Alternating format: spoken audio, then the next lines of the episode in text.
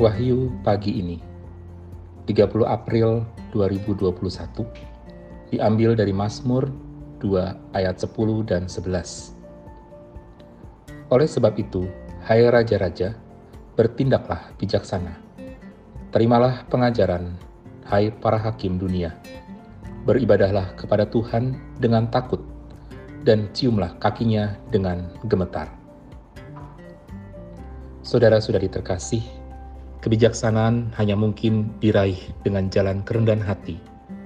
Sebab sikap rendah hati sama seperti humus, yaitu tanah yang subur, di mana setiap benih kebaikan akan selalu tumbuh dan berkembang. Selamat pagi, Tuhan memberkati.